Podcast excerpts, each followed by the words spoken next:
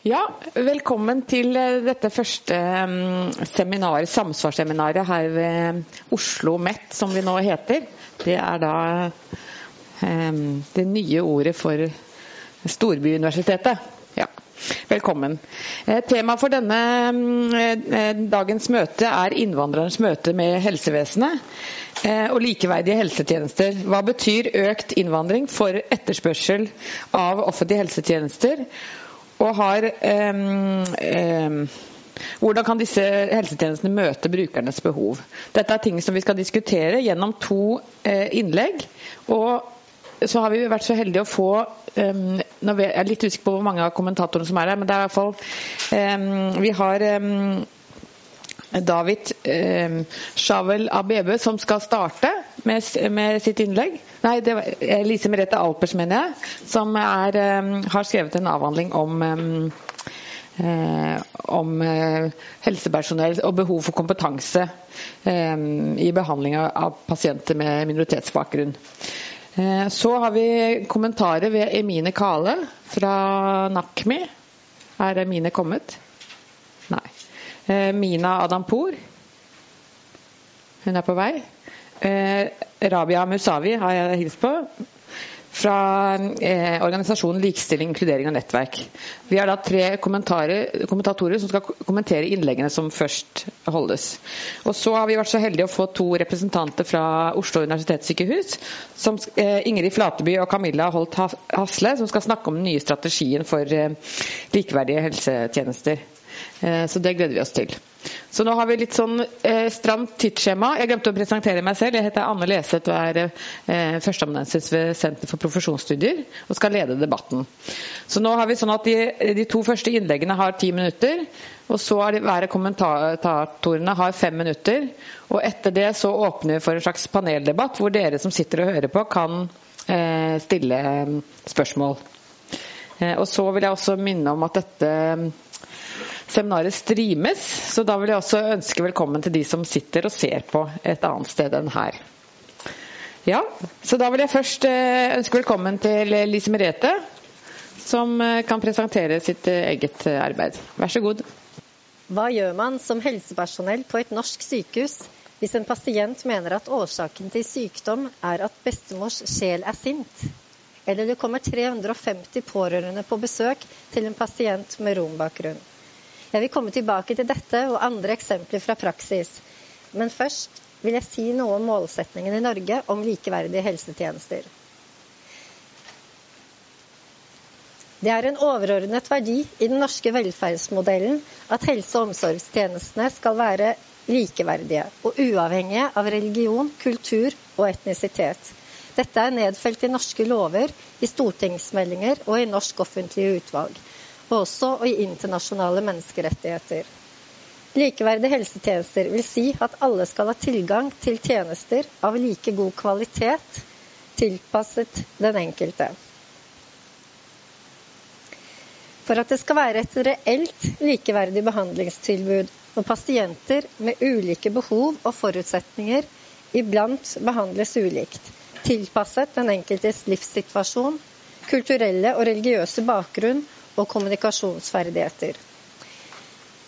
Til tross for en bred politisk oppslutning om dette, kan det være uklart hva dette betyr i praksis. Men det er klart at helsepersonells kompetanse er en forutsetning for likeverdige helsetjenester.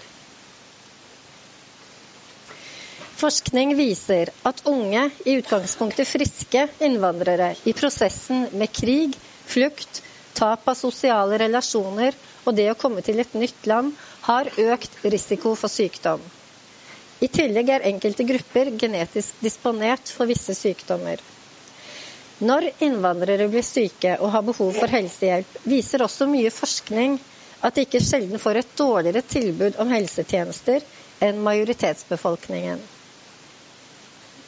Tilgangen til helsetjenester kan være dårligere, men det viser seg også at kvaliteten på behandlingen ofte ikke er like god som den majoritetsbefolkningen får.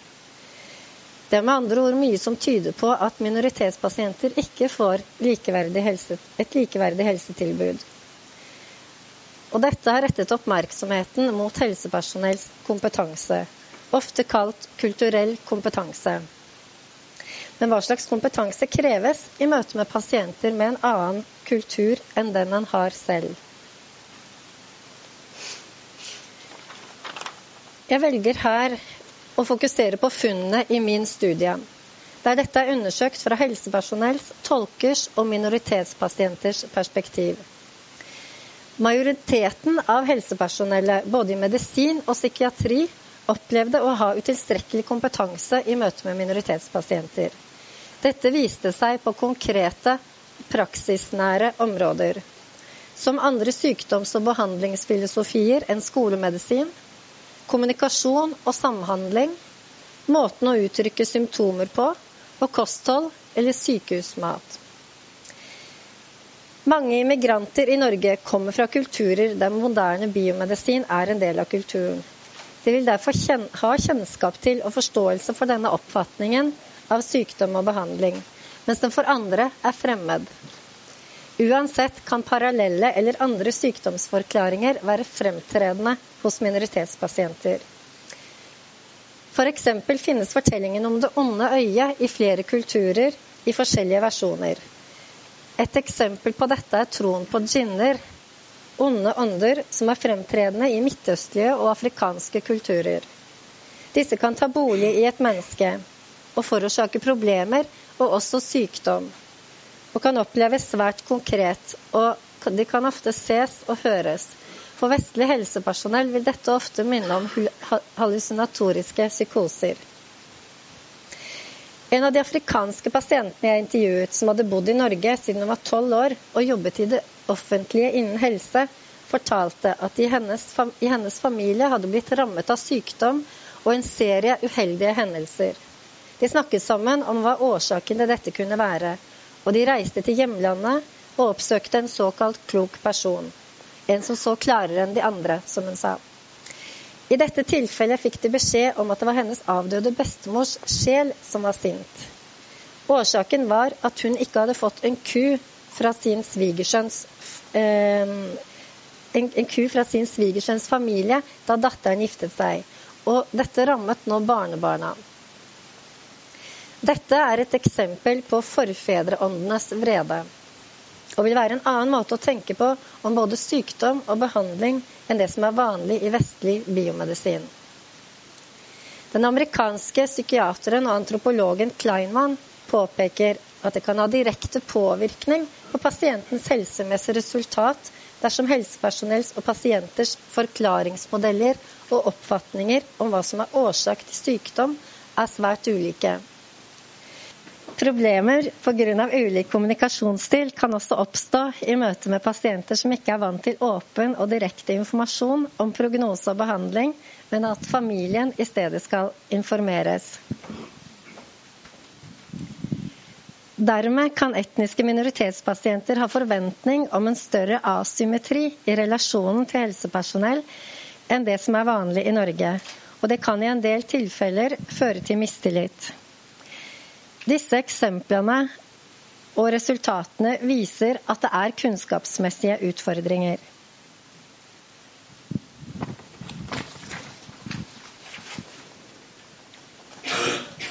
Noen av eksemplene jeg har nevnt fra praksis, viser at, det, at kunnskap ikke alltid løser konkrete utfordringer. Som i møte med pasienter som, vant, som ikke er vant til åpen og direkte informasjon om prognose. Det er heller ingen entydige svar på praktiske og moralske spørsmål som gjelder hvor langt det er mulig eller riktig å strekke seg for å legge til rette. Likevel må det understrekes at det ikke er noe alternativ til kunnskap og refleksjon og diskusjon, og at kulturell kompetanse er nødvendig for å kunne kommunisere med pasientene, gjøre prioriteringer og for å oppklare eventuelle misforståelser. Det er derfor viktig at dette inkluderes i både grunnutdanning og videreutdanning, men også at det settes på dagsorden i arbeidslivet.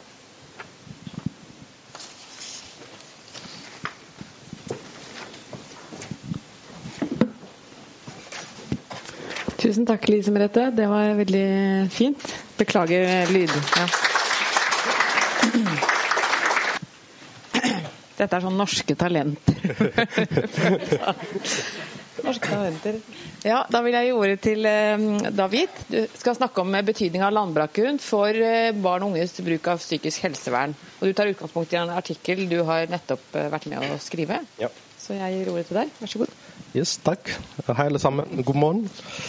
Beklager, jeg blir litt forkjølet, så jeg kan Men min presentasjon er basert fra et artikkel som vi publiserte i fjor. Problemstillingen i artikkelen var hvordan bruken av spesialisthelsetjenester for psykisk helsevern varierer mellom innvandrere og etnisk norsk befolkning. I neste ti minutter snakker jeg bruken av spesialhelsetjenester for barn og unge med eller uten innvandrerbakgrunn. Særlig tale på polikliniske kontakter innen psykisk helsevern. Jeg vet ikke hvor mange dere som kjenner denne saken. Vår artikkel som handler om bruk av helsevern, om tvers landbakgrunn, er godkjent fra denne tidligere SSB-sjef Kristina Meyer. Så vi har tillit hos Siv Jensen, så dere trenger ikke å bekymre. Det er ikke noe skandale å presentere slikt tall i dag.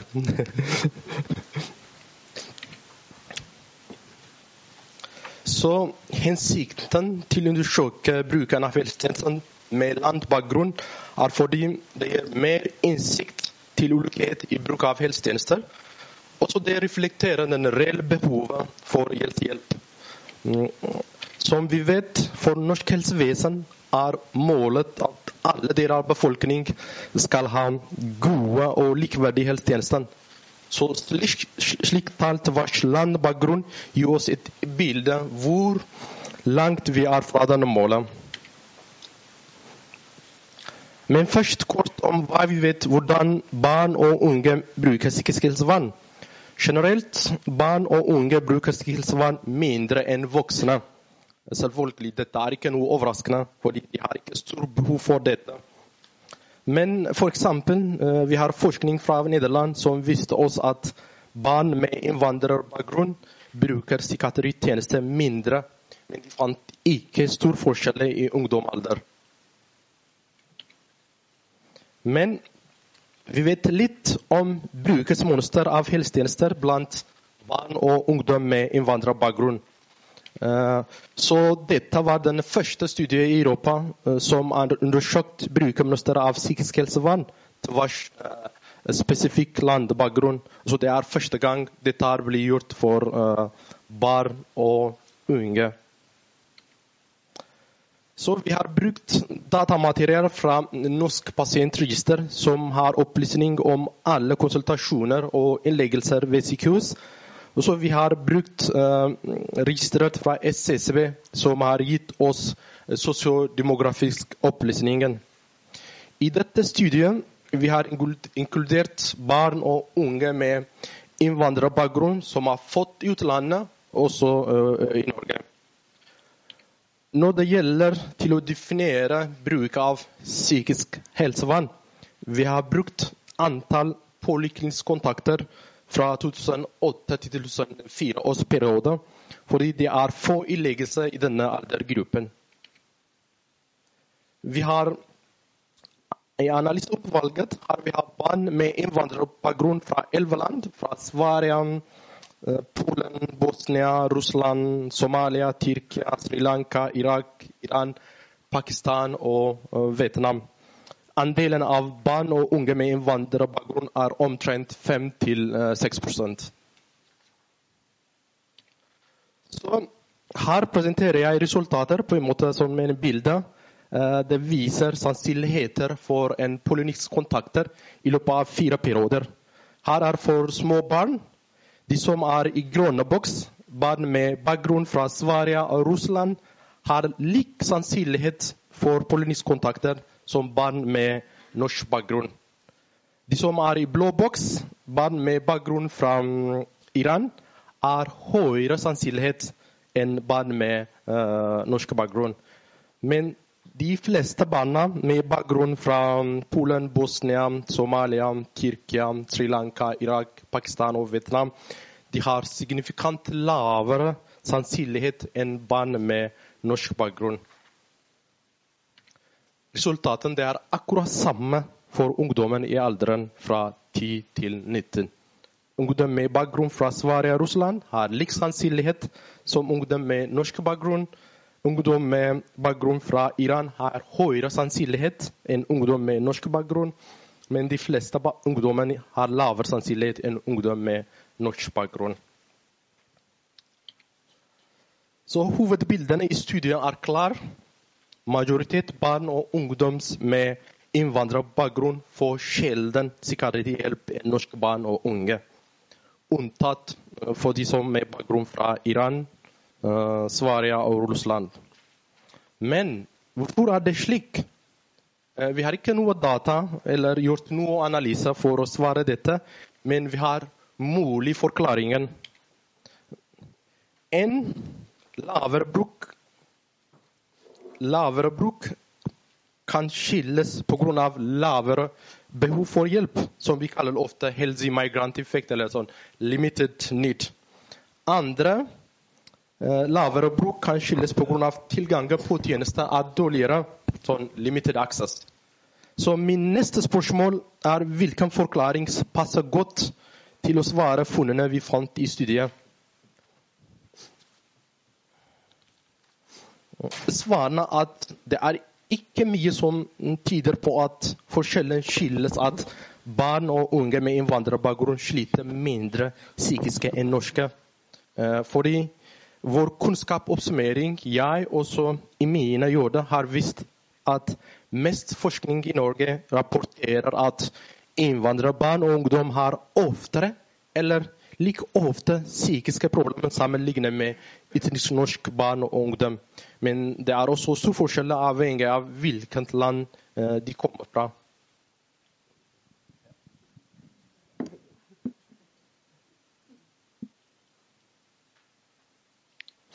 Ja, takk. Også den første rapporten fra Folkehelseinstituttet, uh, som publisert noen uker siden, bekrefter denne forklaringen også. Psykiske plager er høyere blant barn, unge, også voksne med innvandrerbakgrunn.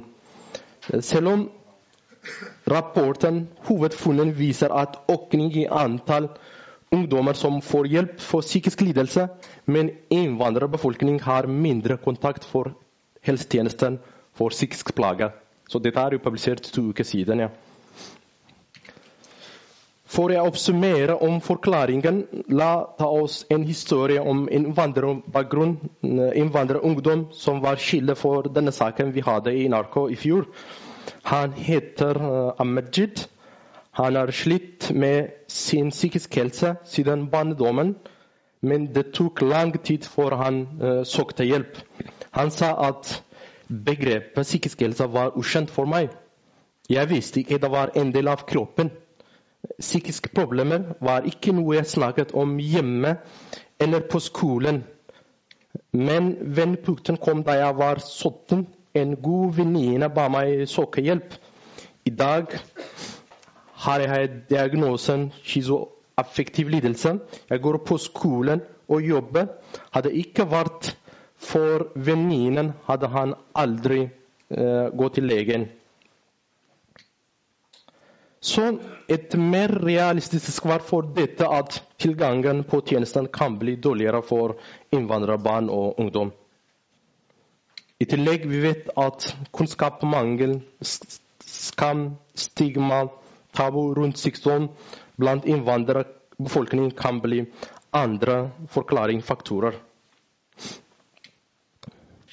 Så til slutt, for å komme til dette målet, vi trenger mer kunnskap om årsaken til ulik bruk av helsetjenester. Eh, forekomsten av psykiske plager blant innvandrere. fordi Vi har studier som er nesten mer enn ti år siden. Og så Vi må jo ha en, eh, en studier eller en, en, forskning som går til årsaker, konsekvenser av slike plager. Altså, evidensbasert tiltak både for uh, forebygging og behandling. Takk for meg.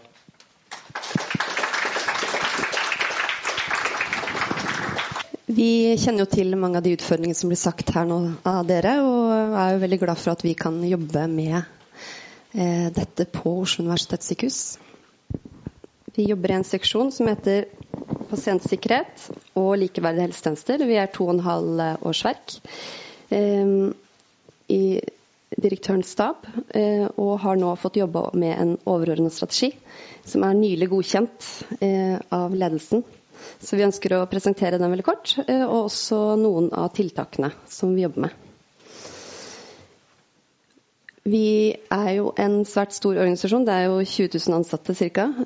Og derfor så tenker vi også at det er viktig med denne overordnede strategien for at man kunne komme og jobbe sammen for et felles mål. Så vi har hatt en strategi tidligere, jobbet nå med en ny en. Eh, vi har hatt en bred prosess eh, internt på sykehuset med eh, spørreundersøkelser, vært i brukerutvalget, forskjellige Fått møtt flere ansatte som har kommet med innspill. Og vi har også vært og hatt møte med eksterne samarbeidspartnere for å få vite hva som er viktig for, i denne strategien her. Dette er en ordsky som er da vi har spurt ansatte hva er det dere tenker på når dere hører ordet likeverdige helsetjenester. Så dette er det som kommer. Tilpasning, respekt, rettferdighet er de som sies oftest. Eh, men vi har også mange andre fine ord som er litt mindre, som dere kanskje ser. Kvalitet, menneskeverd, like rettigheter, blant annet. Det vi har valgt å gjøre i strategien, er å dele det i tre um, et uh, område med pasienter og pårørende, og et med medarbeidere og organisasjon. Vi mener jo at det er viktig å ha en rød tråd uh, i sykehuset. Altså en likeverdig rød tråd uh, som skal være synlig alle deler. Når pasienter skal vi snakke litt, Ingrid snakke litt mer om. Når det gjelder medarbeidere, så er vi også opptatt av hvordan vi rekrutterer medarbeidere. Og hvordan vi ivaretar medarbeidere. Eh, mangfoldledelse er et stikkord der. Eh, når det gjelder organisasjon, så tenker vi at det er viktig at vi er synlig, ligger strategisk synlig i organisasjonen. Ved at vi er i staben er veldig viktig, og at det er synlige budsjetter. Og noe det strategien og flere andre områder som vi tenker på flere måter samtidig for å få dette til.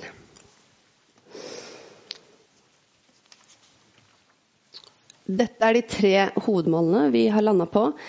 Eh, jeg skal bare lese den øverste, for det er den som er mest aktuell her i dag. Men jeg vil jo si at de andre to er interessante, de også. Eh, første er Oslo universitetssykehus skal tilby gode, tilpassede og likeverdige helsetjenester uavhengig av alder, kjønn, kjønnsuttrykk, seksuell orientering, bosted, sosioøkonomiske forutsetninger, språk, etnisk bakgrunn, tro og livssyn, helseinformasjonsforståelse og funksjonsevne.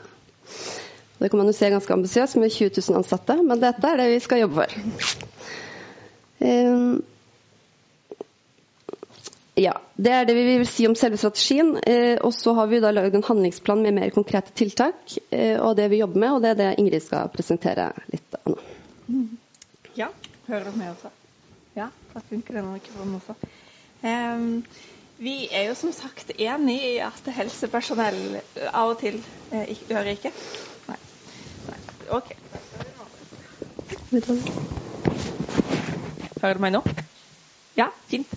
Um, vi er som sagt enig i at helsepersonell eh, av og til, eller i noen tilfeller kanskje kan eh, litt for lite om, om, kultur, eller at det er aspektet. Og det å, å tørre å utforske um, og bli kjent med det enkelte mennesket, pasienten og pårørende som de har foran seg. Eh, og vi tenker også at tilgangen til helsetjenester ikke alltid er like god. Det, det stemmer absolutt med vårt bilde. Og de ser barrierer i vår helsetjeneste som vi trenger å eh, overkomme. Um, og uh, som sagt, en stor organisasjon, fryktelig mange avdelinger, uh, ulike lokalisasjoner, uh, forskjellige diagnoser, psykiatri, somatikk. Men eh, vi, vi, har, vi har eh, en, en, god start. Og kulturveilederutdanningen, som er, var et samarbeidsprosjekt med, med Høgskolen i Oslo og Akershus i, i, sin tid, og nå Oslo OsloMet, eh, vi, sender, vi, vi anbefaler ansatte å ta 30 studiepoeng i flerkulturelt helsearbeid her. Og så har vi et nettverk av alle de ansatte i etterkant som vi tilbyr videre oppfølging på sine avdelinger, fagdager hvert halvår. Ja. Og bruker de også som ressurser til å gi oss tilbakemeldinger på hvordan det er ute i klinikkene.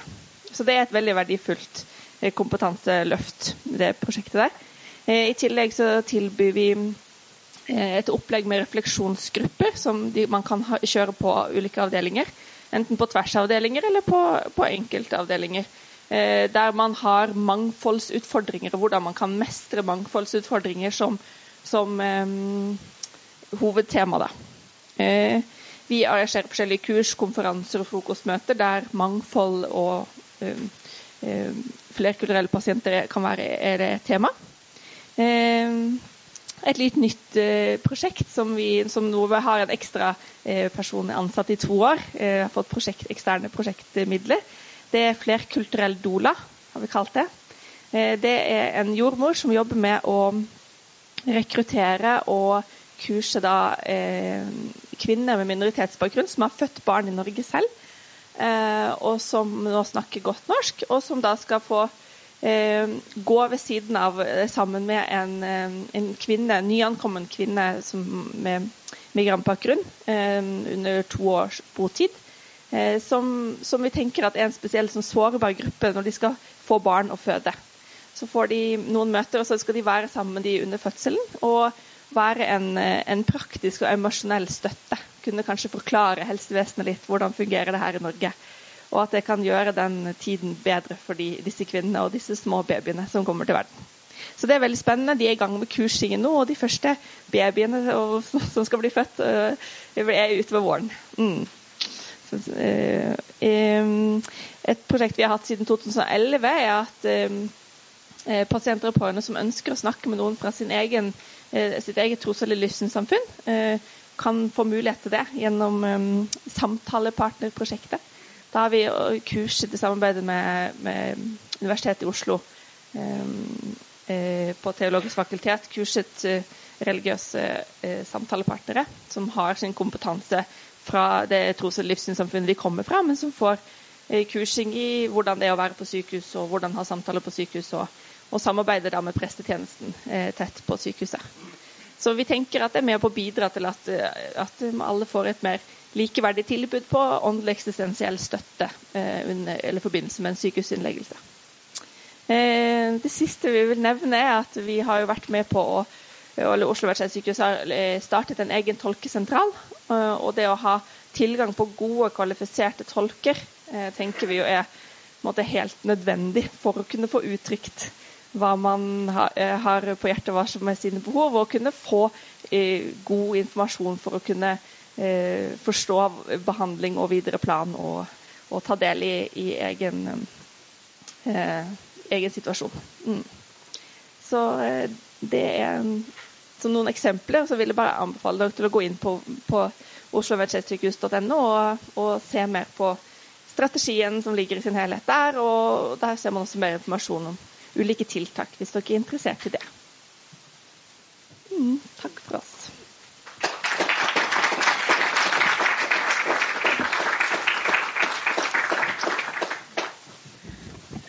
Tusen takk. Da syns jeg det er veldig mye spennende å diskutere. Ehm, men nå skal jeg, før jeg sier noe mer om det, så tenkte jeg vi skal gi ordet til eh, kommentatorene. Og vi tar det i den rekkefølgen som de står. Så vi gir først ordet til Mine Kale fra NAKMI, hvis du er klar. Så takk først og fremst for spennende presentasjoner. Eh, det var veldig flott. Og takk for invitasjonen hit. Eh, jeg var litt uforberedt på å stå alene her. Jeg trodde vi skulle ha en diskusjon, men OK. ja. Ehm, ja, jeg har eh, lyst til å si først og fremst om den rapporten som vi har publisert nå like før jul. Bare sånn veldig kort hovedtrekkene den ble referert til. Og den også viser at det er en oppsummering av forskningen de siste åtte årene om psykisk helse og innvandrere. Og den, En av de konklusjonene Det er mange ting der, men et av de er at eh, det virker som forskningen har økt om dette temaet, og det er bra. Og det er flere grupper som blir undersøkt. Det er eh, flere metoder som blir brukt. Eh, så kunnskapen om innvandrernes psykisk helse, psykiske plager eh, og lidelser er i ferd med å øke. Vi får et mer nyansert bilde. Så dette er veldig positivt. Og forskningen som du gjør, du og dine medarbeidere, David, bidrar til den økningen, kunnskapsøkningen. Men det som er litt vanskelig altså Vi er for, fortsatt i startfasen. Eh, det er mange ubesvarte spørsmål. Jo mer vi vet, jo mindre eh, sikker blir vi. Fordi nyansene trer frem. Og så er det resultatene som kommer frem, må verifiseres, må undersøkes på andre metoder hos flere grupper. Så vi er fortsatt i starten. Eh, og, og vi er i ferd med å danne et bilde, men er fortsatt, det er fortsatt ganske utydelig. Eh, men noen deler av dette bildet er godt belyst, akkurat eh, som f.eks. selvrapportert psykisk helse blant noen innvandrergrupper eh, fra lavinntektsland. Vi ser at flere grupper rapporterer oftere psykiske plager. Høyere hva skal jeg si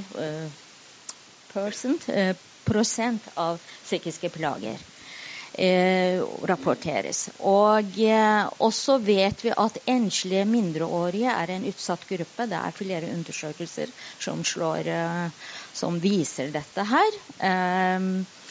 Og flyktninger eh, er, virker som det er en utsatt gruppe. Det er flere undersøkelser som peker på samme retning.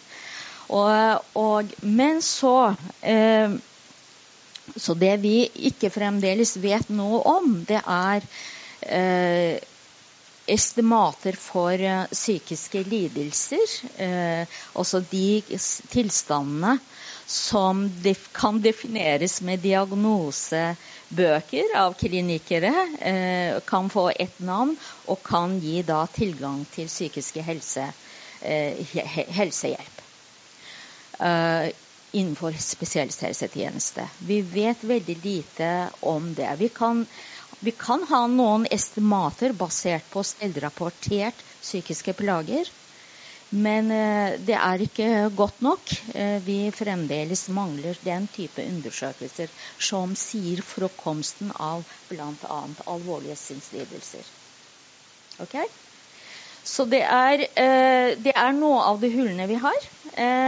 Men når det er sagt, så, slike tall for majoritetsbefolkning finnes, men det er også jeg, det er også mangler, og det er vanskelig å drive undersøkelser. Veldig utfordrende. Jeg har, altså, det er ikke mulig å gå innom alle detaljene, men det, vi har også undersøkelser nå som viser om bruk av helsetjenester. Slike tall hadde vi ikke før, men nå har vi. Den viser Det er selvfølgelig må gjentas. Eh, vi har fra året 2008 til 2011. Alle de årene mellom der også. Ja. Så det er bra. Vi trenger den type registerstudier som sier bruk, bruk av registrerte bruk av helsetjenester. Um, og som da viser tydelige forskjeller. Og og det er da interessant, uh, selvfølgelig veldig betimelig å spørre, som, som du spør, David, uh, hvorfor? Hva kommer det av at det er så store forskjeller?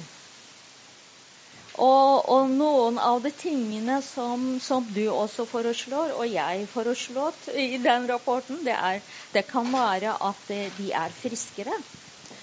Altså, jeg har lyst til å kommentere her de ordene vi bruker her. Underutilization, underbruk, underforbruk av helsetjenester. Og lavere bruktall. Altså um, uh, Underutilization og uh, lower not Altså det jeg prøver å si, at Undersøkelsene viser at det er lavere bruk. Men det er ikke nødvendigvis det er underbruk. Ikke sant? Det er to forskjellige begreper, og jeg tror det er litt viktig å skille mellom de to tingene. Når vi sier, i mitt hode iallfall, eh, når vi sier underbruk, da betyr det at vi mener at det burde vært høyere bruk. Ikke sant? Det ligger implisitt i begrepet, ordene vi bruker. At vi mener at bruket burde vært høyere at det er da, da tar vi norske majoritetens brukermønster som eh, golden standard. Og, og, de mener at det burde vært der. Og så, eh, og så ser vi at innvandrere ikke bruker så ofte som eh, nordmenn gjør. Eh, men det er ikke nødvendigvis Det er et underbruk i den forstand at de trenger hjelp, men de ikke bruker helsetjenestene.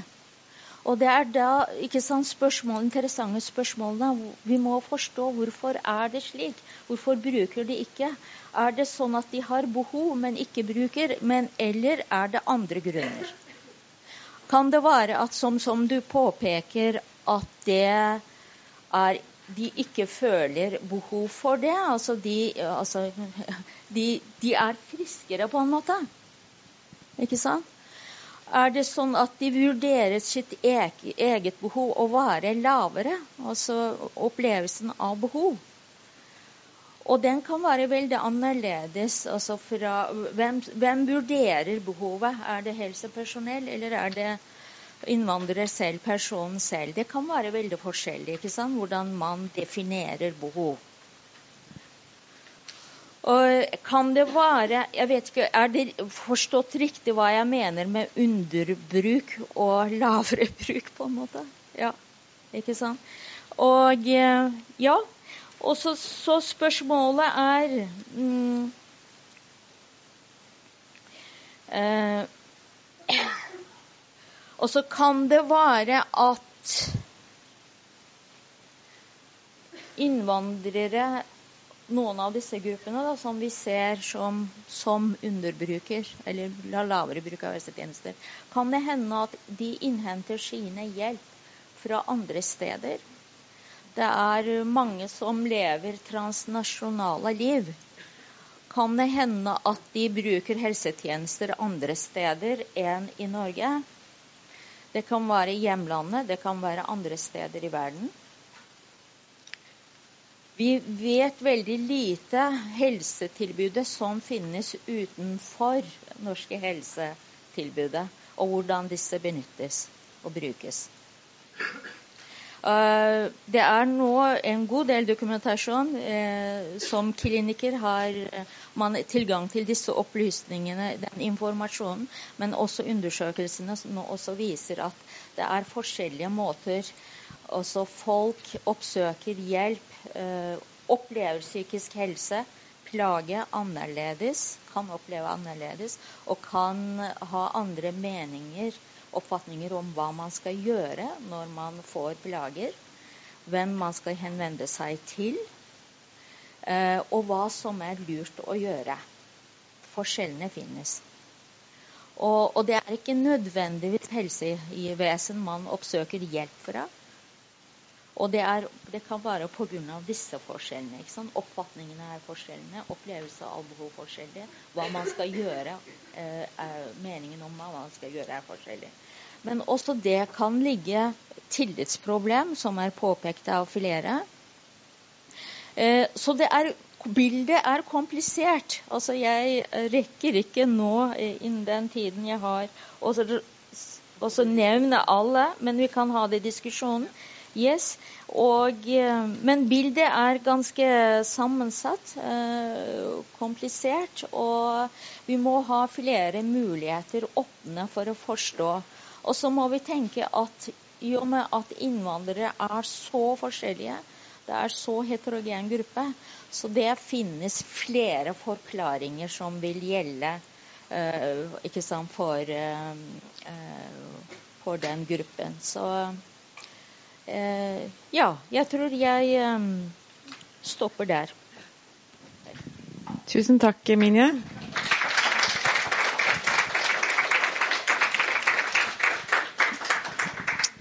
Så det er veldig interessant eh, når du påpeker det med å bruke av helsetjenester andre steder. For det er jo mange som benytter seg av helsehjelp i utlandet, også etniske nordmenn. Så det er jo en del av eh, dagens eh, samfunn, holdt jeg på å si. Ja, så det var interessant. Ja, eh, Da vil jeg gi ordet til eh, Mina Adampour, hvis hun er eh, her.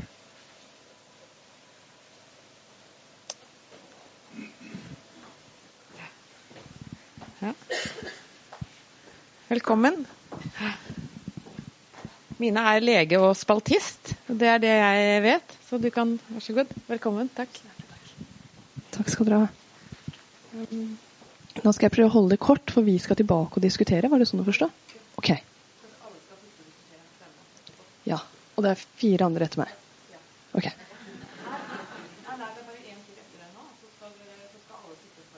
Ok. Ja, takk. Kjempe. Um, ja, takk for invitasjonen. Um, bare for å gå rett på sak. Uh, Norge har forandret seg drastisk på relativt kort tid i historisk sammenheng. Uh, siden 1970 så var det 1 uh, som hadde innvandrerbakgrunn, og i dag så er det over 13% Og det har skjedd fort. De siste ti årene så har man gått fra 315 000 til nesten 700 000 med innvandrerbakgrunn. De kom fra 220 land. 39% er familiegjenforening. Ikke bare gjenforening, men at det er familie som altså kommer etter eller kommer til. 33% arbeid, 20% er flukt og 5% er fordelt på utdannelse. Når man snakker om helsen til denne innvandrerbefolkningen, som er ganske heterogen og ikke homogen, så har man, som det er blitt påpekt her, også diskutert at det ikke nødvendigvis er hvilket land man kommer ifra, men årsaken til at du flykter. Og denne årsaken til at man flykter, er relevant. F.eks. når det kommer til psykiske plager, så vet man at flyktninger er overrepresentert sammenlignet med både den befolkningsgruppen som innvandrerbefolkningen utgjør, men også den etnisk norske majoritetsbefolkningen.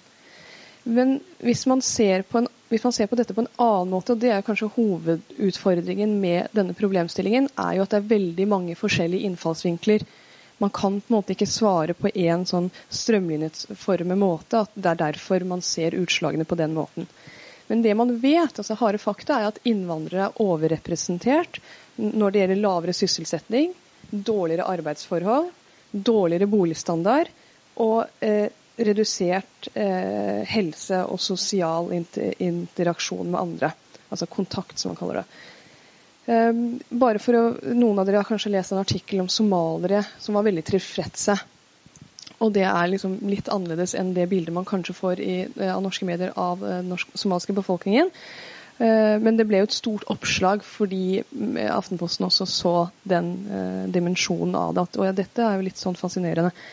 Men da var det jo tre norsk-somaliere selv som hadde helt ulike innfallsvinkler. Det var Safia, eh, Abdi Hassan, som har jobbet eh, sterkt opp mot, eh, i mange år, 30 år, mot kvinnelig kjønnslemlestelse, som sier at vi er takknemlige for det vi får. Vi er vant, vi Boligstandarden, det at vi bor lite, betyr ikke så mye. Så er det politikere i SV, Marian Abdi Hussein, som sier at man flykter fra krig. Da er det å bo dårlig i Norge veldig greit kurant, det. Så har du Mohammed Elmi, som er leder av den somaliske intellektuelle forening, som sier at i Somalia så har man ikke tradisjon for at autoritetene eh, er eh, på, måte på ditt lag. Så jeg tror ikke på det resultatet. Man må ha svart eh, annerledes av frykt for represalier. Ikke sant? Eller som min mor da hun kom, ankom Norge. Både hun og norsk-somalieren som var sammen på norskkurs, var muslimer. Men den ene sa til min mor at du kan ikke gå i bukse, det, det er på en måte ikke lov. Og så sa moren min men jeg kommer fra Iran, den såkalte islamske staten. Det var jo rart at de har gått dem hus forbi. Og da, og da, men når man ser nærmere på dette, så er det for kvinner ikke lov til å, altså ved lov ikke lov til å gå i bukse i Somalia. Ikke sant? Så man har både med seg eh, en del av sin bakgrunn, men også den interaksjonen med myndighetene. Og Når det kommer til eh, forskning omkring rasisme, så har eh, Hilde Lidén og Arnfinn Midtbøen, som er som har drevet et omfattende arbeid på eh, rasisme i dette landet, eh, sagt at vi, vi, har god dekning for å si at rasisme og diskriminering forekommer. Men det er noen gap hvor vi mangler data som er vesentlig. Og et av de er veldig interessant for denne dagen her i dag, og det er innvandrernes møte med helsevesenet. Og her blir det gjort mye arbeid på, på NAKMI, på FHI, på HiOA, nå Oslo OsloMet. Rart navn. Um, og, og, det er med på David sitt arbeid det er med på å utfylle det manglende bildet. Sånn som I min hverdag så kan noen f.eks. i akuttmottaket si at uh, ja, det er jo noen, da, som dere, eh, som uh, Det er en voldsom reaksjon på dette med smerte. Og så er det slik at veldig mange av oss med innvandrerbakgrunn kommer fra stater hvor myndighetene ikke har sett behovet for å bygge opp et helsevesen. Du kan dø av et insektbitt. Og Hvis det er din forestilling av eh, sykdom, at du kan dø av noe så lite som insektbitt, som ikke er en stor realitet i Norge, med mindre det er visse sære dyr som alle da vet om og nærmest først informerer om når de kommer til legevakten, så vil de da ha en eh, atferd som vil si at eh, det er noe alvorlig som skjer med meg, jeg må ha hjelp. Mens det i sykehus- eller legevaktsammenheng kanskje ikke er så alvorlig. Og så må man bruke lengre tid på å forklare hvorfor man ikke vil gi antibiotika f.eks. ved en luftveisinfeksjon som man antar er viral, for at du i neste omgang, hvis du får en lungebetennelse, skal kunne få respons av den samme antibiotikaen. Og da senker skuldrene seg. Mens hadde dette vært i Iran, så går man tilbake fra hvis man har vært oppsøkt lege. Det var dårlig lege. Jeg fikk ingenting. Ingen medisiner, ingen sprøyter. Men det er, ikke, det jo ikke det som er en oppfatning av å få god helsehjelp. Det er jo faktisk det som hjelper. Eh, så når man snakker om eh, helsetilstanden til innvandrere, så er det også bare i selve metodikken, som det også ble sagt her rett før meg, så er det, det er jo ikke så enkelt. Det er fem ulike hypoteser da, når man snakker om helsetilstanden til innvandrere sammenlignet med vertsbefolkningen. Og da er det det man har som kalles sunn migrasjon, altså at de som flykter eller reiser, i utgangspunktet er mer ressurssterke enn de som blir igjen. Så har du lakseeffekten. Og det er at de som er gamle eller syke, har en tendens eller sterkere tilbøyelighet til å returnere til sitt opprinnelsesland. Så har du akkulurasjon, eller acceleration, som er innvandrere som legger til seg heldige eller uheldige vaner i landet de migrerer til. Og så har du dataartefakt, som er litt uh, interessant. og det er Spesielt uh, har de da sett på registerstatus i den sammenheng. og Da sier man at høy utvandring og svake insentiv for å melde at du har vandret ut, kan uh, gi en statistisk udødelighet. Og så har du sosial kausalitet, og det er at det er en belastning bare det å være en innvandrer i seg selv. Og på rasismefeltet så vet vi at eh, man blir diskriminert når det kommer til tilgang til boligmarkedet. Man blir diskriminert når det kommer til selve arbeidsforholdene.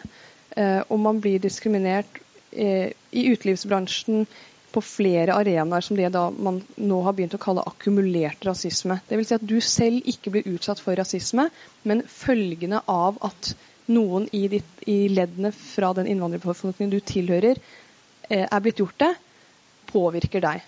Og det ser man da i helsesammenheng. For hva er det man ser på når man ser på psykiske plager? Det er ikke økonomiske forhold, men det å ha en, en, en, en jobb. Og veldig mange av dere er kanskje kjent med at det er, en, det er 25 er tallet, 25 poeng mindre sannsynlighet for å bli tilkalt til intervju dersom du har eh, et innvandrernavn enn et etnisk norsk navn.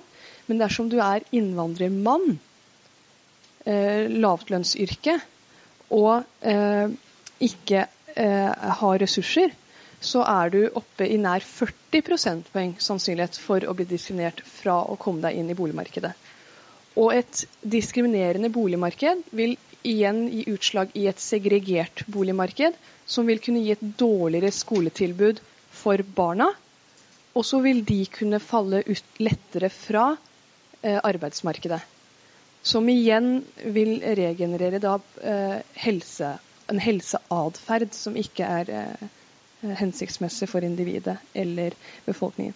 Så har man noen sånne eh, fiffige, un, fiffige underligheter som at det å, det å ha man, man er en studie som er gjort. Én liksom, studie kan aldri forklare ett bilde, fordi det er forskjellige måter å utføre en studie på, og man ser på forskjellige ting. Men at muslimer, norske muslimer en litt større skandinavstudie, som hadde da mindre psykiske plager.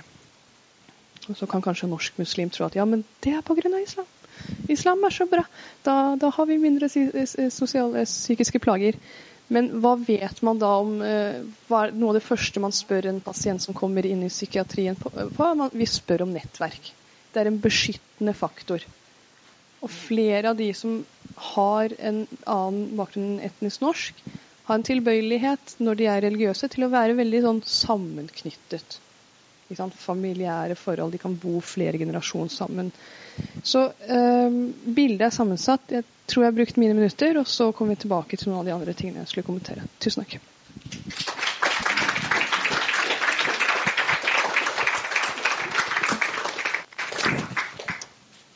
Tusen takk. Det var veldig interessant. Og det er jo viktig og utfordrende tema, dette med diskriminering, i forhold til å løse hva som skjer i faktiske møter mellom mennesker.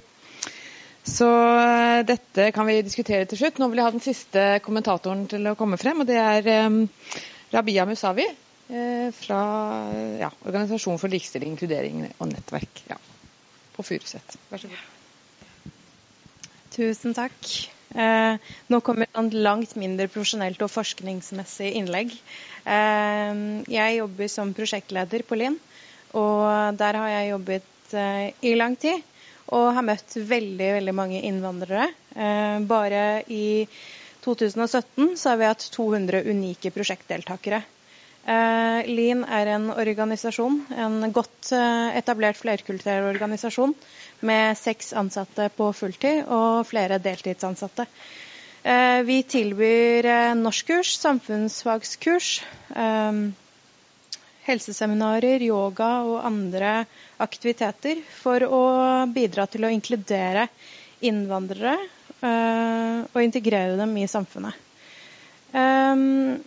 Før kursdeltakerne starter på norskkurs og andre kurs, så har vi en samtale med dem der vi spør dem om hva er det som motiverer deg til å starte på norskkurs. Og overraskende mange sier at de ønsker å starte på norskkurs fordi de ønsker å kommunisere bedre med fastlegen. Eh, dette viser kanskje at noen innvandrere ikke ønsker å benytte seg av tolketjenesten som er der ute. Eh, eller at de syns det er ubehagelig å fortelle noen andre eh, om noe som er så personlig som helseproblematikk, til en annen enn fastlegen. Eh, mange innvandrerkvinner sier ofte at de heller foretrekker å ta med ektemannen eller en venninne enn å benytte seg av tolk. Det kan også være fordi de er redd for at tolken kommer til å ikke overholde taushetsplikten. Eh, gjennom årene har vi møtt på mange forskjellige innvandrergrupper, og det er viktig, som også de andre innlederne sa, at innvandrerne ikke er en homogen gruppe. Det er mennesker fra veldig, veldig mange forskjellige land. Og det er jo Ja. Eh, og de kommer fra De har ulike kulturer og ulike religioner og ulike språk. Um, og av den grunn så har de ulik oppfatning og forventning til helsesystemet og helsevesenet. Uh, generelt sett har vi tatt et inntrykk av at innvandrere har god erfaring i møte med helse, det norske helsesystemet. Og at de syns det er flott å bli møtt med helsepersonell som ikke er overlegne, og generelt sett ikke ser ned på dem og ikke har en sånn ovenfra-ned-holdning i møte med pasienter. Eh, misnøyen som vi merker blant våre deltakere, er ofte at det er en ventetid, en lang ventetid i helsesystemet i Norge. Og at, eh, som Mina også sa, lite medisinbruk. Jeg fikk ikke antibiotika, det er en dårlig lege. um, I forhold til kulturell kompetanse tenker jeg at eh, dersom en pasient med innvandrerbakgrunn er i en situasjon og ikke klarer å kommunisere godt nok norsk med helsepersonell, vil jeg tro at uh, kun det å være hyggelig, åpen, forståelsesfull uh, som, altså som helsepersonell er godt nok for veldig mange.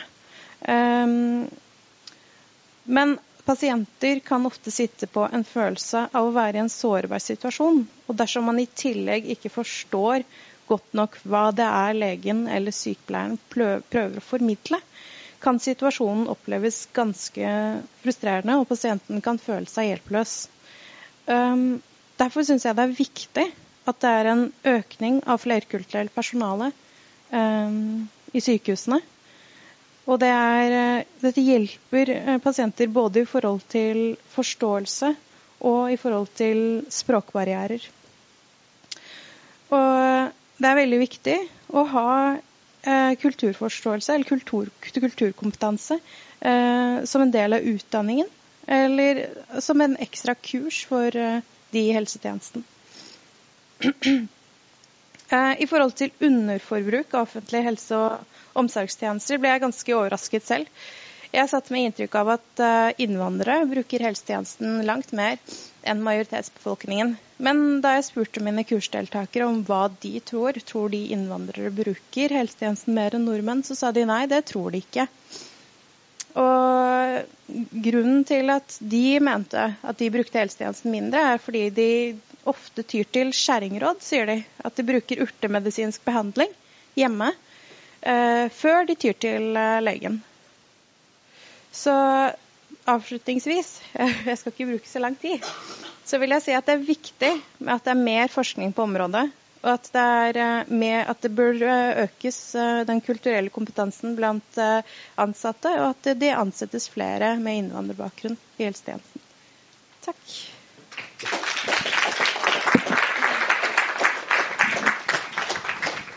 Tusen takk, Rabia. Du kan egentlig bli sittende her. Så ber jeg alle innlederne og kommentatorene å komme frem og sette seg på disse fine barkrakkene vi har satt frem. Ja, eh, jeg hadde tenkt til at nå skal vi åpne opp for spørsmål fra salen. Um, og Dere kan stille spørsmål til innlederne til kommentatorene. Og dere som sitter her, kan også stille spørsmål til hverandre. Men jeg hadde lyst til å starte med et, et spørsmål til hver av, eller til dere som hadde hovedinnlegg. De, de to første, egentlig. Eh, etter Lise Merete og David. Og det er det at eh, Lise Merete, du sa at eh, til slutt, som jeg syns var interessant, det om at kunnskap, altså økt kunnskap kan ikke løse alle utfordringer man står overfor i helsevesenet. Og så sa du at det er på en måte viktig med praksisnær og konkret kunnskap i møte med pasienter med minoritetsbakgrunn. Mens David, du snakket jo om landbakgrunn. Eh, og det er jo og også at dette er jo et politisk eh, tema som er diskutert. Eh, og jeg oppfatter vel det med landbakgrunn som en lite praksisnær kunnskap. Så det jeg lurer på er om dere kan si litt om hva tenker dere, hva slags kunnskap er det helsepersonell trenger å ha? Og hvor langt kommer man som helsepersonell med å vite hvilket land pasienten kommer fra? Er det nyttig kunnskap? Det er mitt spørsmål til egentlig begge to. Ja. Uh, ja. Uh, altså hvis man ser på, Jeg gikk ikke noe inn på forskningslitteratur, for det var lite tid til det. Men hvis man ser på den, bare sånn helt kort sagt, så var det en uh, antropolog og sykepleier på 1950-tallet som heter Madeleine Leininger, som tidlig startet å sette fokus på dette temaet innenfor helsepersonell. Og hennes teori går ganske mye ut på at man skal ha kunnskap eh, om konkrete enkelte grupper. Eh, og kritikken mot Altså, hun skal ha mye eh, ære for at hun startet tidlig med å sette oppmerksomheten på det. Men kritikken av denne teorien er at det lett kan bli stereotype eh, oppfatninger av enkelte grupper. Som om at man slår opp i en kokebok på en pakistansk mann, hva skal man gjøre da? Og eh, da skjønner man jo at det kan eh, ofte ikke vil stemme. Ikke så man må eh, ut ifra forskningslitteratur og også mine funn, så tenker jeg at det er viktig å ha eh, en viss kompetanse om enkelte eh, grupper. Eh, F.eks. at somaliske pasienter de har sannsynligvis opplevd krig i hjemlandet. Det har vært krig i mange år. Eh, de har, det har ikke vært et, eh, et system for helsevesenet og andre ting som offentlige tjenester som har fungert godt, og at de vil være påvirket av det. Men så må man også møte den enkelte pasient og undersøke hva er det som gjelder for den enkelte. Og den vekslingen må man holde på man trenger en viss konkret kompetanse. Man må undersøke den enkelte, den individuelles behov. Mm. Ja, takk. Jeg er helt enig også.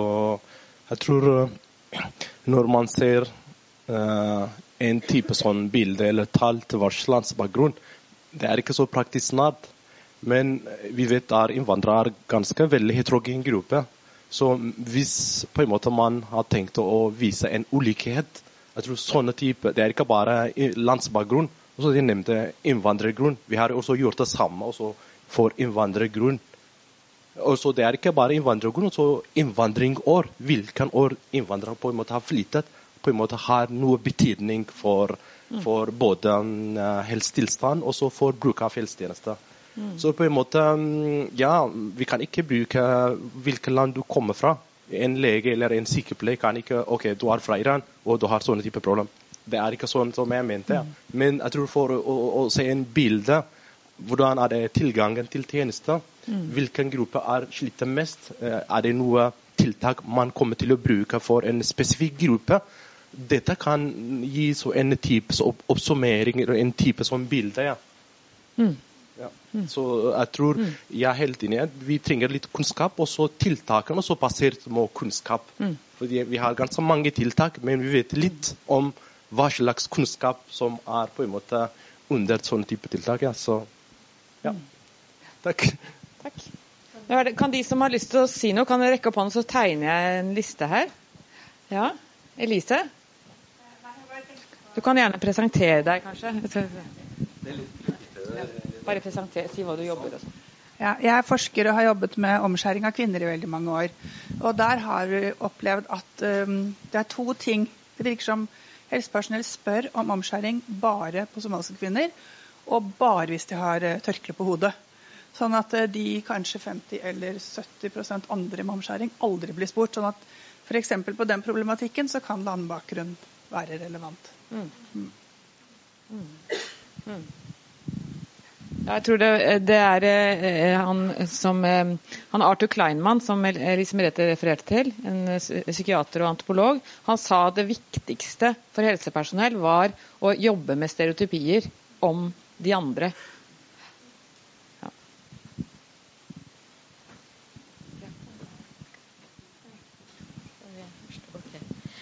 Ja, jeg også tenker at en viss kulturkunnskap er viktig for helsepersonell å ha. For å ha på en måte noen forestillinger eh, om hvordan ting kan forklares, oppleves. Hvilke eh, hva skal jeg si, forklaringssystemer som finnes eh, i verden. Eh, hvordan ting kan oppleves veldig forskjellig fra egen. Eh, for å motvirke den etnosentriteten ikke sant? vi alle sitter fast i. Eh, så jeg tror nok at det er veldig viktig å utvide, eh, utvide egen, egen, kunnskap, fantasi. For å kunne da i neste omgang spørre folk, den du har foran deg, om ting på en OK måte. Og ufarliggjøre snakket om forskjellene, altså kulturelle forskjellene. Fordi ofte kan folk eh, kvie seg til å snakke om det, nettopp fordi det kan skape avstand. Ikke sant? Det blir veldig fort oss og dem, og eh, othering. Så det er uh, en Altså Dermed kommer holdningene inn. ikke sant? Kunnskap kan gjøre at folk endrer holdning til forskjellighet. Og kan da dermed lettere snakke om det uh, uten å være redd, uten å være fordommende. Gi rom for å utforske det. Ikke sant? Det er der kunnskap kommer inn. Fordi den er så relatert også til holdninger. Og holdningsendring tror jeg trenger, eh, trenger helsepersonell. Og, og, jeg derfor setter så stor pris på å høre deres eh, strategi, hvor, eh, som tar tak i nettopp den biten. Ikke sant? Det skal være OK å være annerledes, og vi setter pris på det. på En måte, ikke sant? En holdning. Ja. Um, jeg tror, uh, det er gjort en studie på hvem som blir sånn korridorpasienter. Jeg vet ikke om noen av dere vet det. Uh, spesielt ved um, Samhandlingsreformen og nedleggelse av Aker sykehus så ble det en god del korridorpasienter på Ahus. Uh, og det, det, var demente og de med psykiske lidelser. demente uten familie var overrepresentert. Det var liksom ikke innvandrere. ikke sant? Så eh, jeg, jeg, tror at veldig ofte det er, det er, en heterogen gruppe, men man skal ikke Den sosioøkonomiske faktoren eh, tror jeg er veldig relevant når det også kommer til innvandrernes møte med helsevesenet. Er du en ressurssterk innvandrer som eh, har en av de nye generasjonene hvor det er veldig mange minoritetsjenter som tar høyere utdannelse, og de kanskje er litt familieorienterte og går inn for å aktivt hjelpe familiemedlemmer eller venner i helsevesenet, så betyr det fort ikke noe hvis du er eh, analfabet fra Iran uten å ha jobbet i Norge. For da har, da har, du på en måte en dør inn. Som etniske nordmenn som kjenner en i helsevesenet, og så er det noen som har blitt syke, alvorlig syke, og så har de fått en raskere time som eh, kongefamilien. Og, og, og, de har en sånn egen dør rett inn til Rikshospitalet.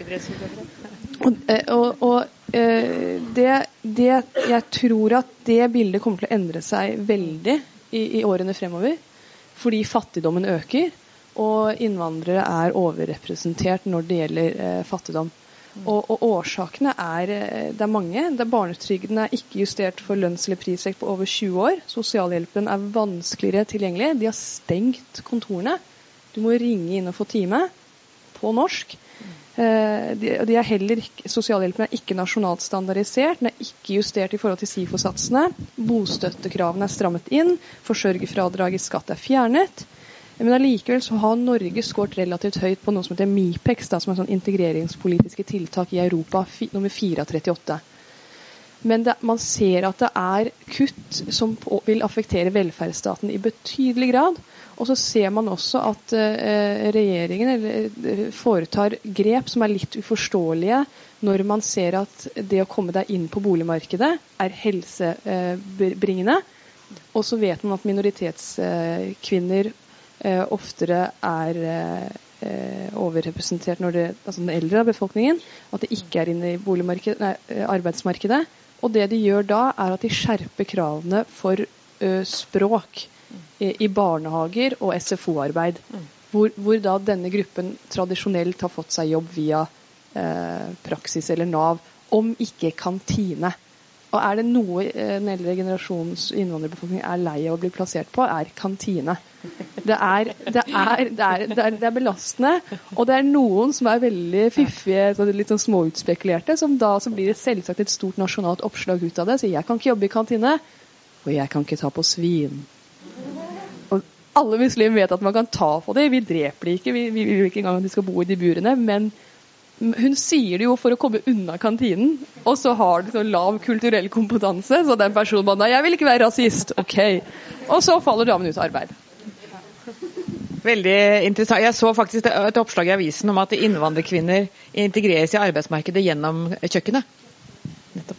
Men da var det, det er tre kommentarer i salen, men Lise Merete, du hadde en replikk til dette. Det var eh, bare en assosiasjon når du sa hvem blir lagt på enerom og ikke. Og også til det du sa at man må jobbe med stereotype holdninger. og det, det eh, Forskningslitteraturen sier jo det at man må jobbe med holdninger. Holdninger er noe av det viktigste. altså Starten på kulturell kompetanse. Men i datamaterialet mitt så var det jo bl.a. Altså sykepleierne de var redd for å legge innvandrerpasienter på gangen for de var redd for å bli oppfattet som rasister. Og dermed så tok de heller de dårlige eh, døende pasientene kunne til og med komme på korridor. Så dette sier noe om at det er viktig å få ting fram. Man må snakke om det med kollegaer. Ja, veldig viktig. Det var en bak der. Og så var det deg, og så var det deg, ja. ikke deg, men der ved siden. Uh, et spørsmål. Jeg lurer på Man vet at eh, hos kvinner fra noen land så har de en mye høyere diabetesforekomst. Benytter de mindre helsetjenester enn andre som har diabetes av den norske populasjonen? Og så tenker jeg på dette med eh, når man har barn som er funksjonshemmede eller utviklingshemmede. Er det noen undersøkelser som er gjort om de også benytter mindre helsetjenester enn andre? Ja, skal vi oppsummere spørsmålene? Siden vi har ikke så mye tid igjen. Det er to spørsmål til. Så kan dere bare som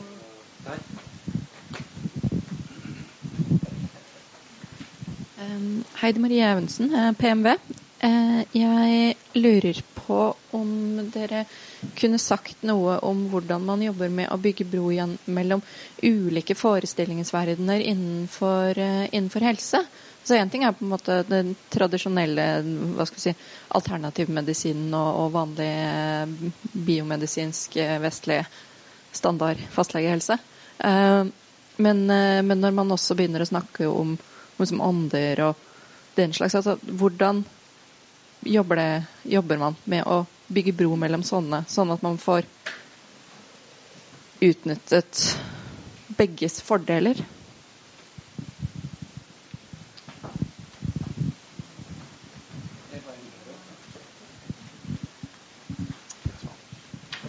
Kristian eh, Heggebø fra jobber på NOVA. Eh, jeg tror eh, Mina er inne på noe veldig veldig viktig her, eh, når hun snakker om sosioøkonomisk ulikhet i helse.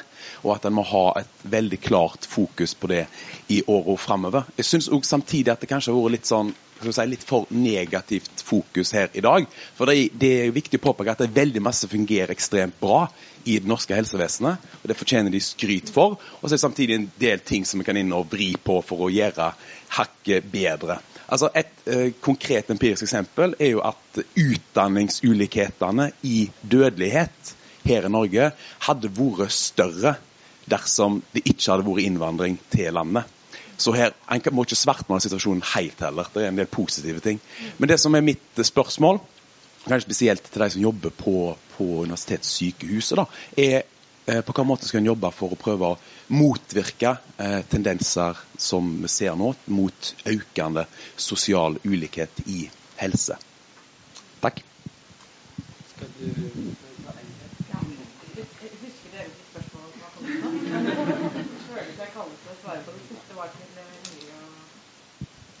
Ja, det er litt sånn felles.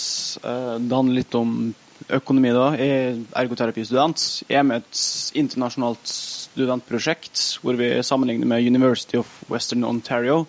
Eh, hvor det handler om da, innvandrernes møte med helsevesenet, da ja, Norge og Canada. Eh, det blir litt sånn økonomisk når jeg tenker på hvordan, møte, hvordan inntrykket til eldre innvandrere er. Og hvordan den økonomien deres ivar... Stusser helt opp nå. Men eh, altså, hvordan oppleves det for dem? Eh, og eh, når det kommer til alt det med økonomisk administrering og den slags. Det ble veldig dårlig ordlagt, men ja. Skal vi begynne? Nei, Ja. Jeg kan begynne med det spørsmålet vi fikk i forhold til hvordan man kan jobbe med å bygge bro mellom ulike forestillinger om hvorfor man er blitt syk, og hvordan man kan bli frisk. Eh, og Det er jo et stort tema. Eh, det, eh, og, og, jeg kan ikke svare på alle som jobber på Oslo universitetssykehus, for det er fryktelig mange sikkert forskjellige måter å møte det på. Men når vi underviser rundt omkring på avdelinger og, og snakker om dette temaet, så er det noe med, sånn som, sånn som vi har sagt, at vi må kjenne til at det fins. Det er noe med den kulturelle kompetansen. For Hvis ikke så er det kanskje vanskelig å spørre om det. Eh, og da tror jeg at det veldig ofte ikke kommer fram i det hele tatt at det eksisterer ulike forestillinger. Eh, og jeg tenker måtte, den kommunikasjonen og det å tørre å stille spørsmål, så enkelt som det, tørre å bli kjent med pasienten eh, og vite hva de Ikke bare ha den der enveissamtalen fra lege eller sykepleier, fysioterapeut, på en måte hva tenker jeg, men at man får høre pasientens perspektiv, får det fram. Eh, og da kommer jo igjen inn gode tolketjenester, da. For hvis du ikke har et, et godt uh, Hvis du har et veldig enkelt norskspråk, uh, så blir det vanskelig å sette ord på disse tingene. Da blir det mye ja-ha og, og på en måte bekrefte det som blir sagt fra helsepersonell. Da blir det vanskelig å sette ord på litt mer sånn dypere, det kan være mer åndelige, eksistensielle eh, dimensjoner. Da. Men eh, det at man, man, kommer fram og ser på hvordan man kan på en måte bruke begge tilnærmingene til å hjelpe pasienten til å bli frisk, det tror jeg er helt eh, essensielt. Mm, og da tenker vi også samtalepartnertjenesten, at vi, at vi tilbyr åndelig eksistensiell veiledning eh, som, som, matcher på en måte det den enkelte tror på, er viktig. Ja. Eh, jeg vet ikke om andre også vil Da svarte jeg på ett av spørsmålene. Ja. Jeg er veldig nysgjerrig på hvor Jeg er også enig i at det er veldig mye positivt med eh, positivt med innvandring, og også um, ikke svartmale den situasjonen.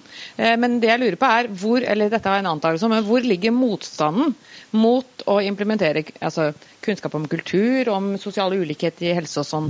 Er det lettere å snakke om, om dette med eh, norske kvinnelige sykepleiere enn eh, mannlige kirurger, f.eks.? Ledende spørsmål.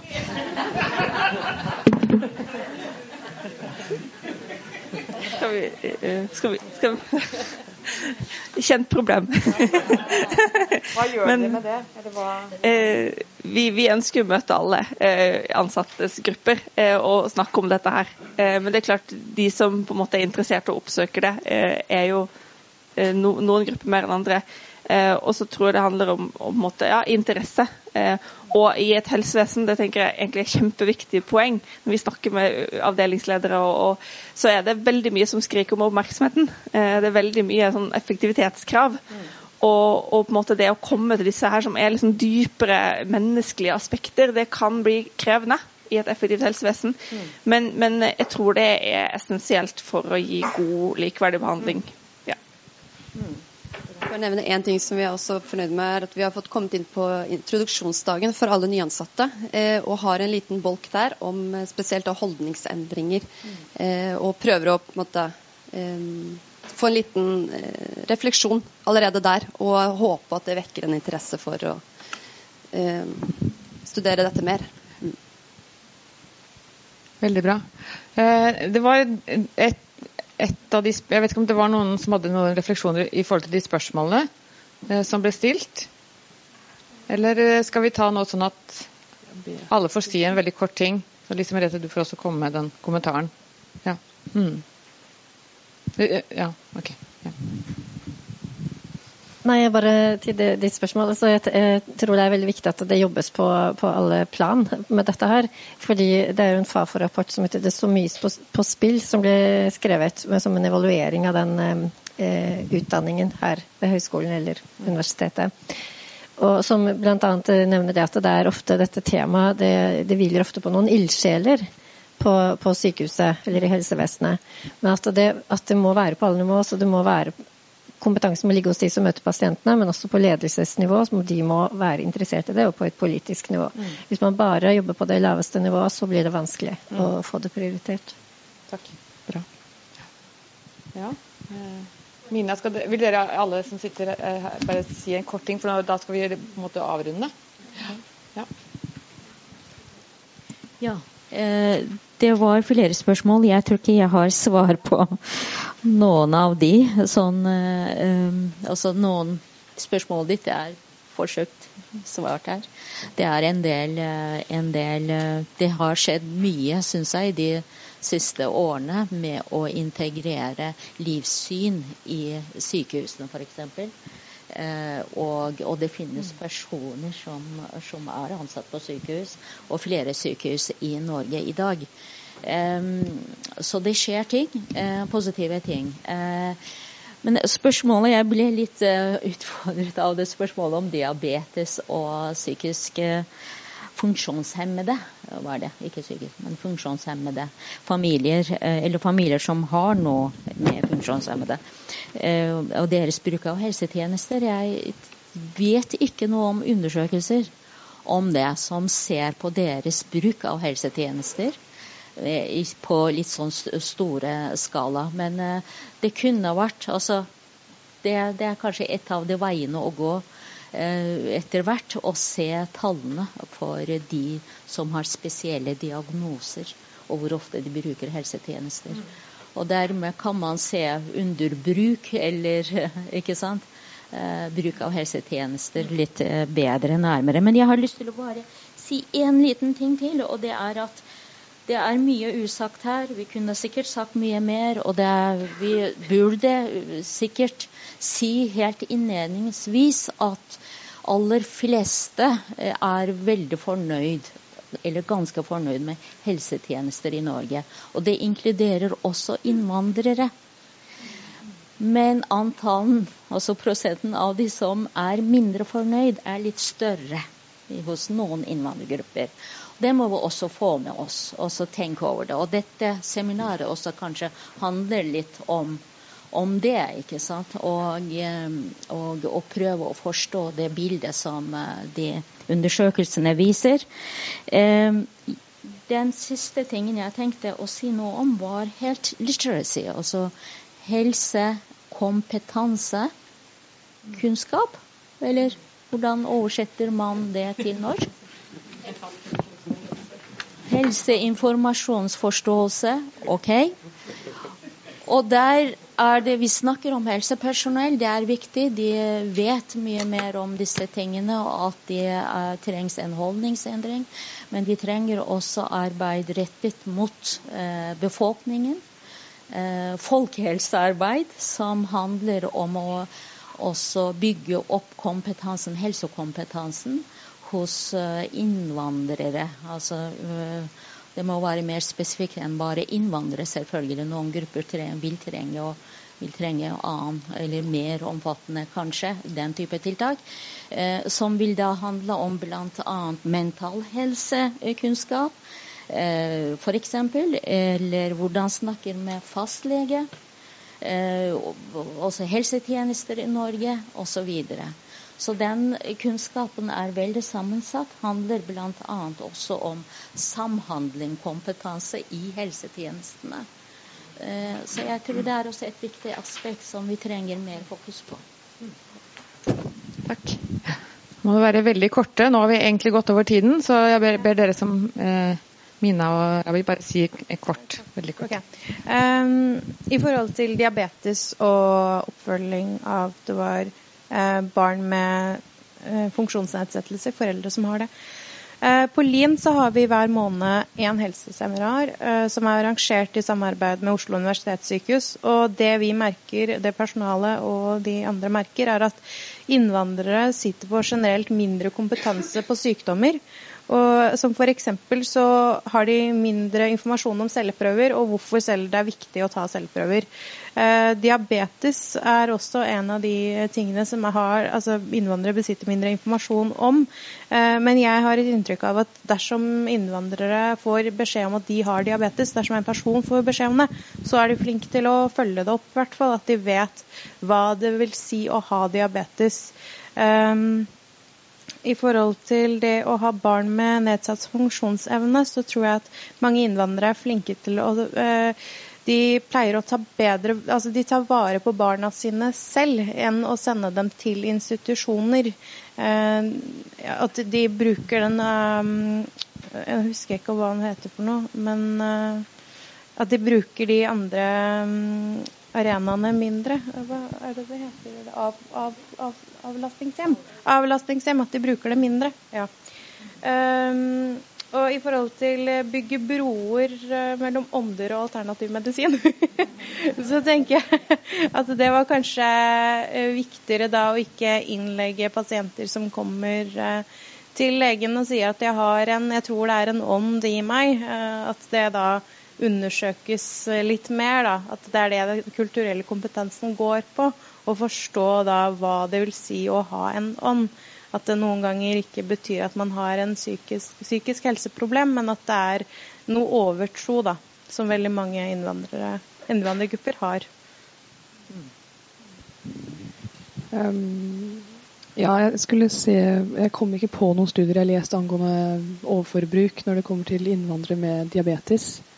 Eh, eller eh, barn med funksjonsnedsettelse eller psykisk utviklingshemming. Eh, det er kjent. Altså, da, vi, da, vi på, da, vi hadde praksis på Ullevål under studiet, så var det, vi gikk forbi dialyseavdelingen på nyre.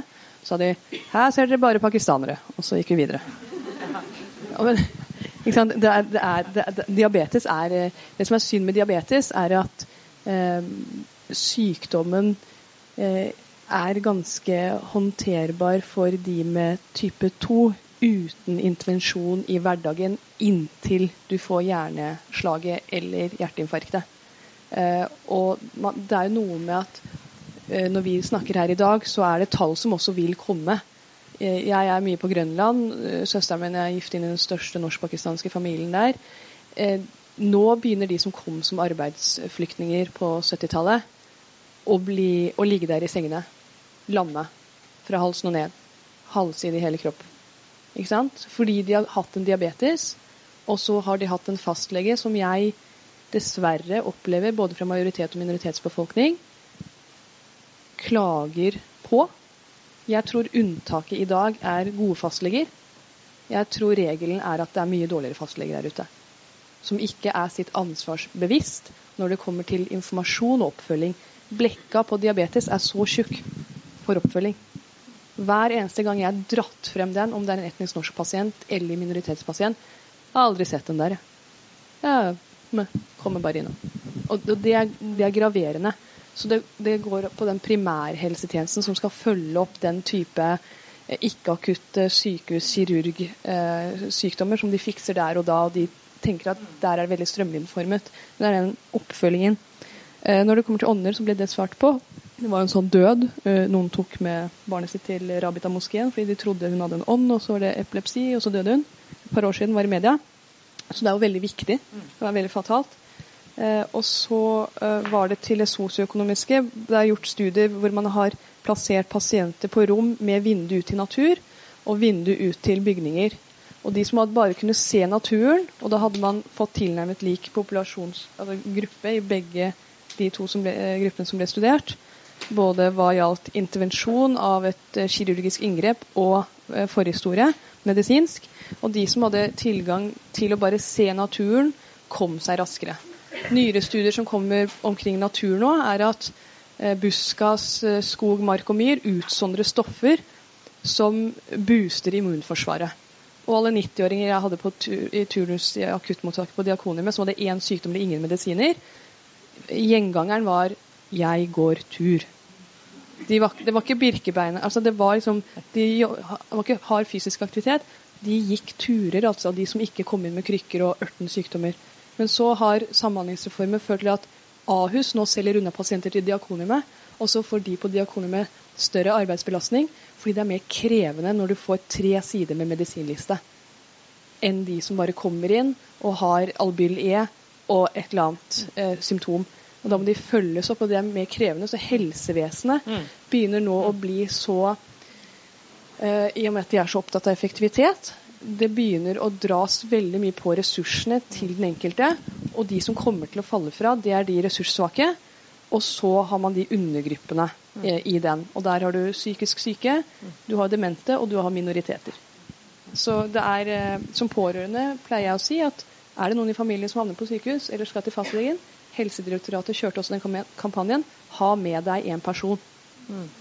For da upper de gamet sitt. Er du der alene, så er nesten løpet kjørt. Mm. Nei, det, er, det, er, det, er, det, er, drastisk, men det er, skumle ting man ser fra innsiden. Ja. Ja, tusen takk. Altså, jeg tror, Hvis ikke Lise Merete og David til dere brenner inne med noe, så tror jeg vi må avslutte. Veldig interessant diskusjon. Tusen takk til alle.